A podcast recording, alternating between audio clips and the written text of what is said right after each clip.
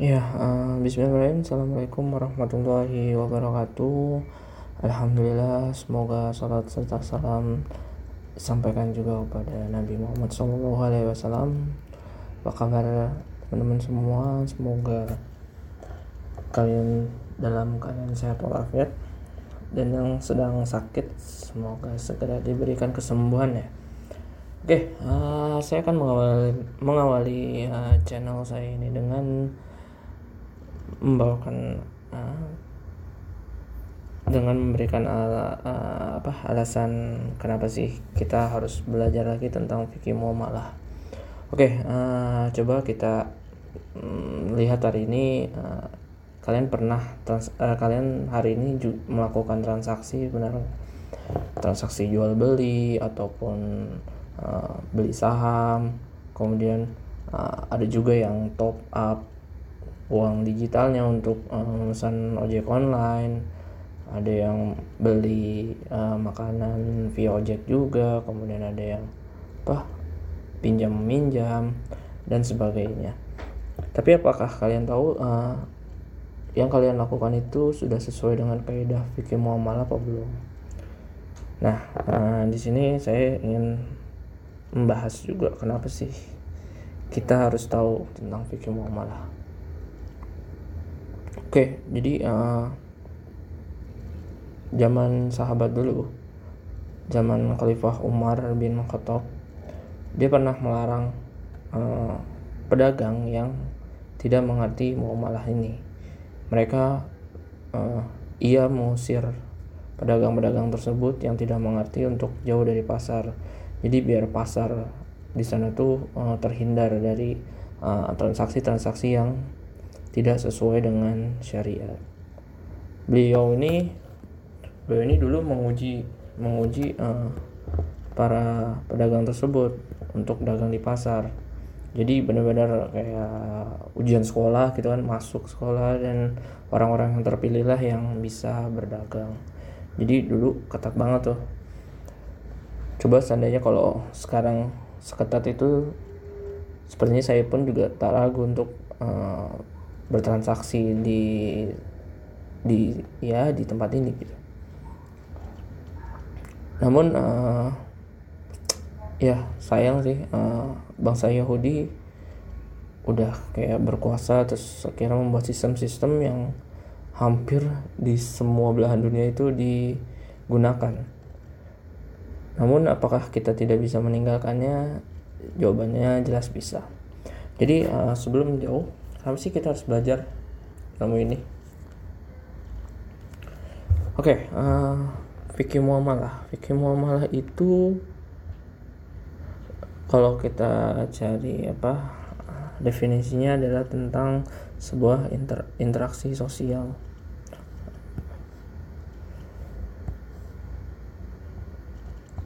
Interaksi sosial.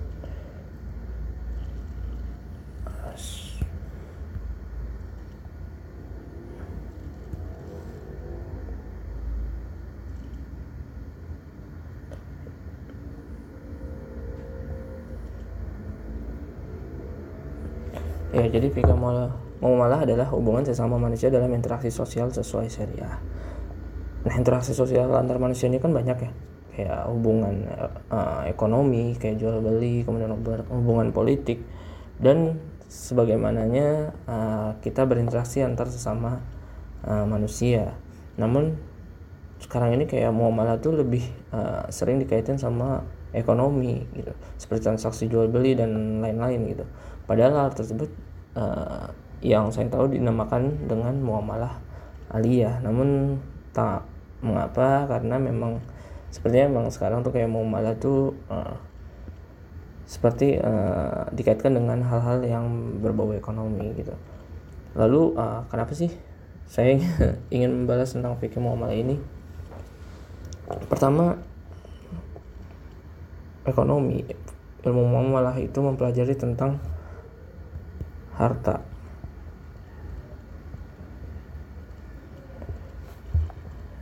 harta ini uh, yang seperti kita tahu adalah salah satu perkara yang akan dihisap di akhir kehidupan in, dunia ini gitu. Jangan sampai harta yang kita punya ini jadi beban hisap di kita ya jadi beban hisap kita yang justru malah membuat kita ke dalam neraka benar jadi uh, membuat saya juga jadi hati-hati gitu. Jangan sampai uh, semua ibadah-ibadah yang kita lakukan ternyata tidak cukup untuk memberatkan timbangan baik kita karena harta yang kita punya ini ternyata justru membawa kita ke dalam neraka. Jadi uh, ini sangat-sangat uh, urgent ya sangat-sangat penting untuk kita pelajari kalau ingin tetap tujuan kita uh, menuju akhirat dengan tenang ya. Kedua alasan kedua kenapa membahas fikih momal adalah saat ini yang terjadi di ya negara kita dan di mana pun gitu walaupun di negara Islam masih juga terdapat hal-hal syubhat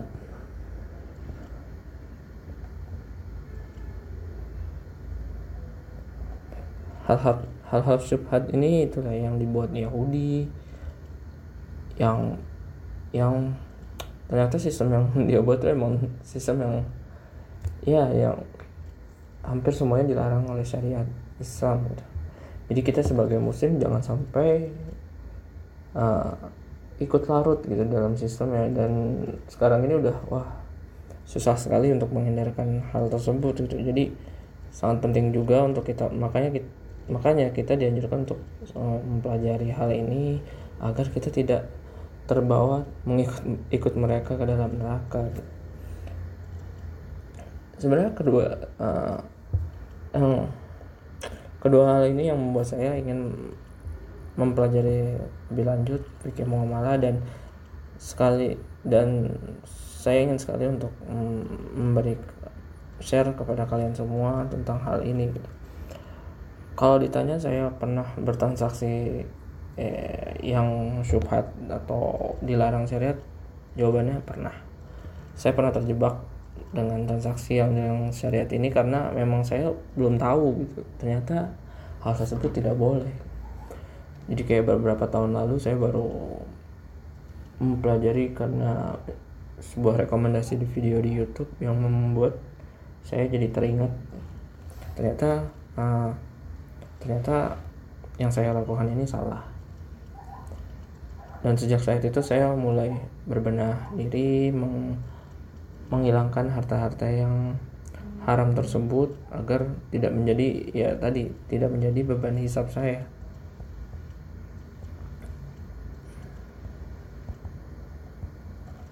Beban hisap saya nantinya. Ya, coba aja kita lihat uh, hari ini gitu banyak yang eh, hal-hal uh, yang kayak seperti biasa gitu di kalangan masyarakat seperti kayak kredit dengan bunga kemudian ada investasi yang berbau goror kemudian MLM nabung emas dan dan lain-lain lah dan ini uh, banyak transaksi-transaksi yang ternyata tidak bisa untuk dilanjutkan karena ternyata dilarang oleh syariat Islam. Oke, lalu kenapa sih kita peduli dengan apa harta haram tersebut? Harta haram ini akan memberikan dampak negatif untuk kehidupan kita kita tentunya. Jadi uh, jangan sampai dengan harta haram ini membuat kita jadi uh, apa susah untuk uh, dihisap dan akhirnya terjerembab ke neraka. Nah kenapa sih harta haram itu? Kira-kira apa sih dampaknya buat kita? Oke. Pertama adalah harta haram ini sebuah perilaku yang mendurhakai Allah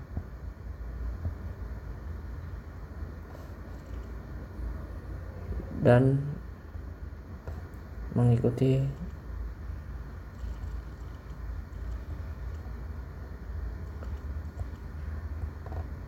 langkah setan.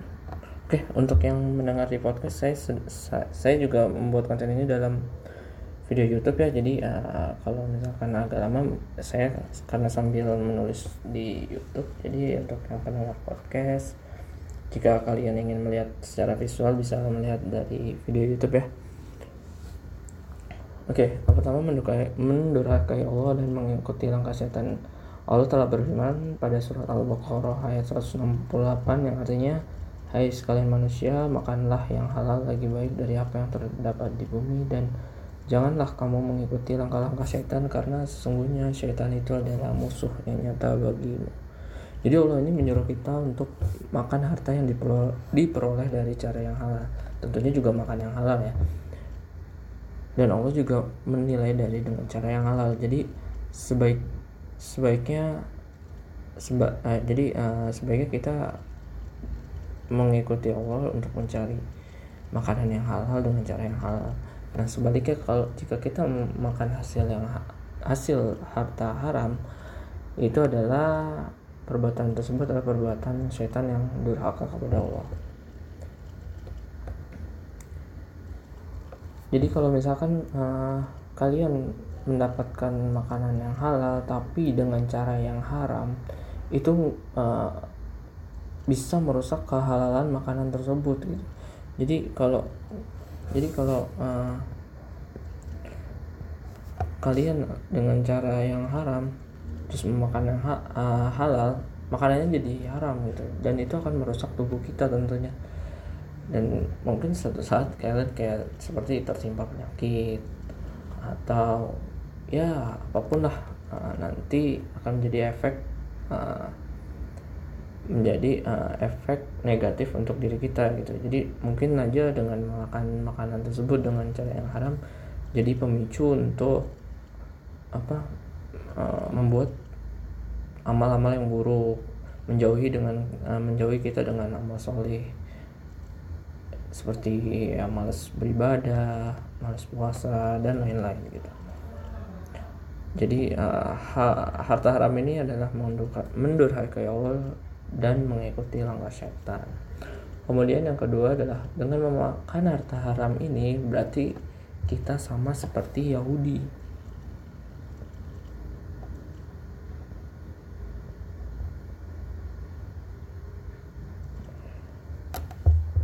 Iya kan? Nah, transaksi harta har uh, transaksi haram yang saat ini sering uh, terjadi adalah perbuatan Yahudi. Jadi jika kita mengikutinya kita menjalankan berarti kita sama seperti mereka gitu. Dan sedangkan orang-orang Yahudi adalah orang yang digambarkan oleh Allah sebagai masyarakat yang rusak dan hancur. Karena karena kelakuan mereka tersebut yang suka memakan harta haram. Jadi ya, jika kita mengikuti mereka berarti sama sama seperti mereka gitu. Dan kita sama seperti uh, kaum yang rusak dan hancur. Jadi kalau ini uh, Allah telah berfirman di Al-Quran surat Al-Maidah ya. Nanti bisa dilihat Al-Maidah ayat 62 sebelumnya yang menurut Allah itu Quran surat Al-Baqarah.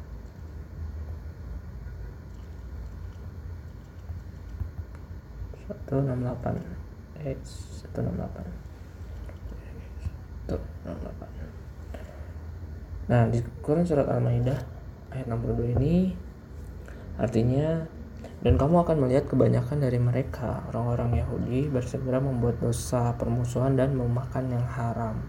Sesungguhnya amat buruk apa yang mereka telah kerjakan itu. Jadi kalau kita melakukan hal yang mereka lakukan ya kita seperti uh, mengikuti perlakuan buruk yang mereka lakukan ketika itu gitu gitu oke okay. kemudian dampak selanjutnya dari harta haram adalah akan muncul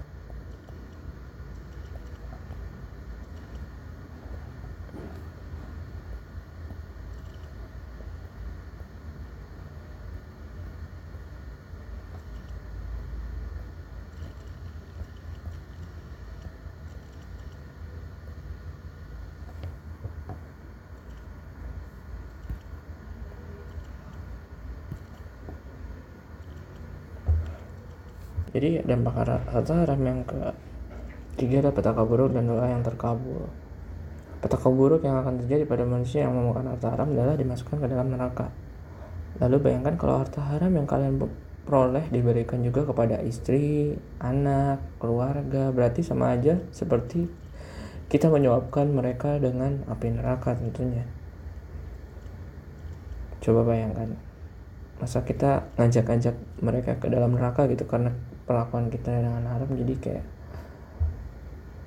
apa ya kalau ngebayangin orang yang terpaksa kerja di tempat yang apa haram gitu kan. Kemudian dia senang mendapatkan pendapatan yang mungkin cukup besar kemudian uh, dia memberikan kepada orang tua kemudian uh, menyel, apa kayak memberangkatkan ia ke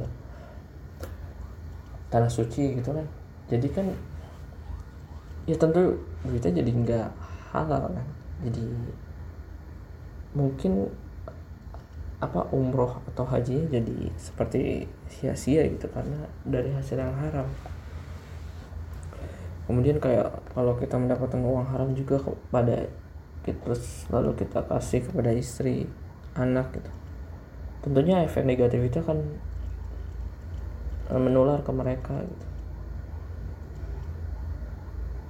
gitu lalu uh, efek yang selainnya ada doa yang tak terkabul jadi memakan harta haram ini membuat doa yang selalu kita panjatkan tidak dikabulkan oleh Allah gitu.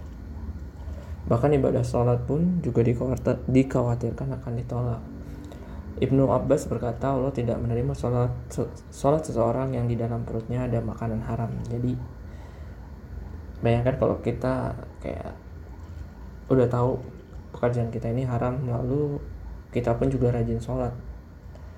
Jadi seakan percuma kan? Karena apa pun doa yang kita panjatkan tidak akan terkabul. Gitu jadi kalau misal kalian kerja kemudian kalian, kalian kerja dengan dengan uh, pekerjaan haram gitu lalu kalian berdoa ingin cepat nikah ingin uh, beli ini beli itu ingin apa gitu. Itu kan sulit banget terkabul dan mungkin bahkan nggak akan terkabul gitu. Sampai kalian sadar kalau yang kalian lakukan ini nggak benar. Yang sholat yang sering sholat pun akan ditolak gimana yang jarang sholat? Tentunya akan jadi tambah tambah gitu kan. Jadi kayak mungkin mungkin berat timbangan juga akan beda akan lebih berat uh, timbangan yang buruk. Jadi uh, cukup ini ya dampak dari harta haram ini.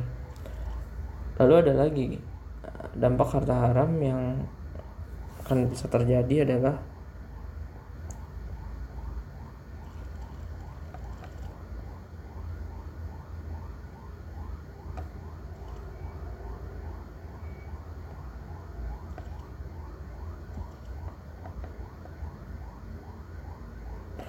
Oke. Dampak harta haram selanjutnya adalah pertanda azab yang akan datang. Jadi ini adalah uh,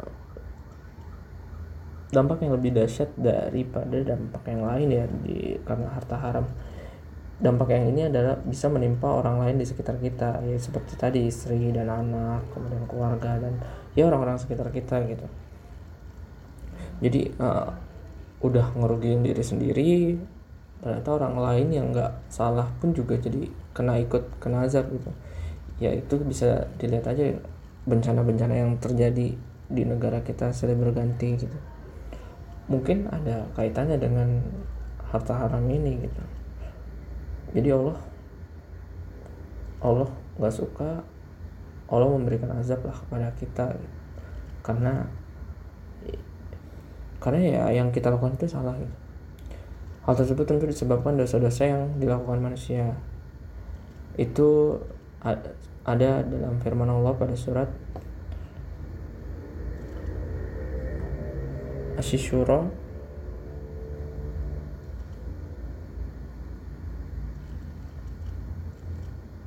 ayat 30 Artinya dan apa saja musibah yang menimpa kamu maka adalah disebabkan oleh perbuatan tanganmu sendiri dan Allah memaafkan sebagian besar dari kesalahan-kesalahan.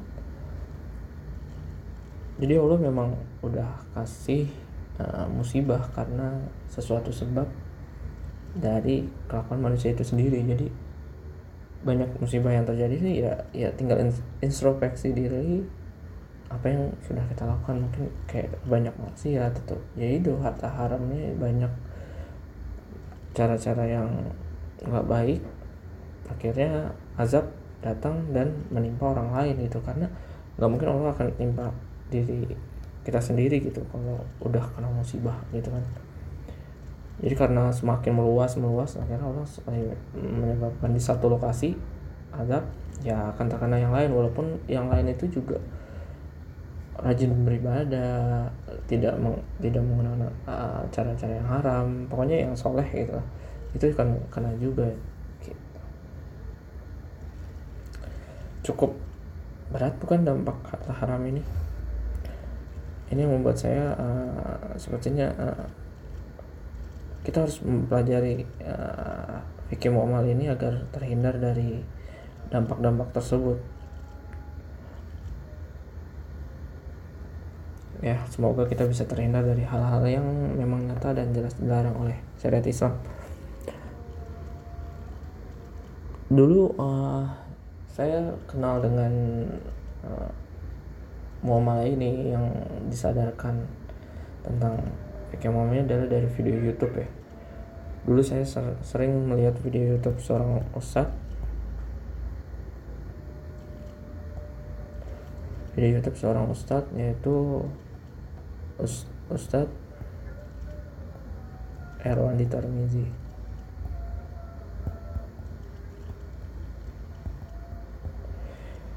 Jadi Ustadz ini adalah uh,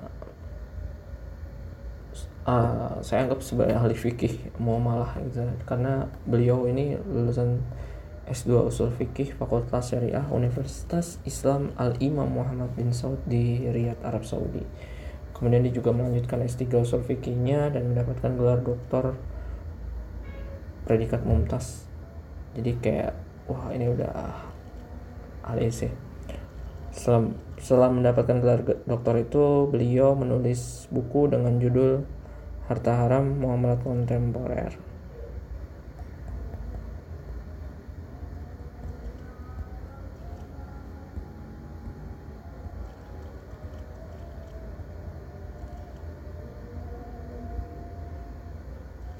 Ya jadi buku Taram inilah yang juga menjadi inspirasi saya untuk uh, sharing tentang fikih muamalah ini dan saya ingin sangat bisa mempelajari dan membagikan ini kepada kalian semua. Dalam buku ini juga banyak uh, terdapat uh, ya hal-hal yang berbau muamalah seperti kartu kredit, asuransi, diskon, hadiah dan banyak lainnya gitu. Dan juga beliau juga memberikan solusi uh, permasalahan dari transaksi haram tersebut.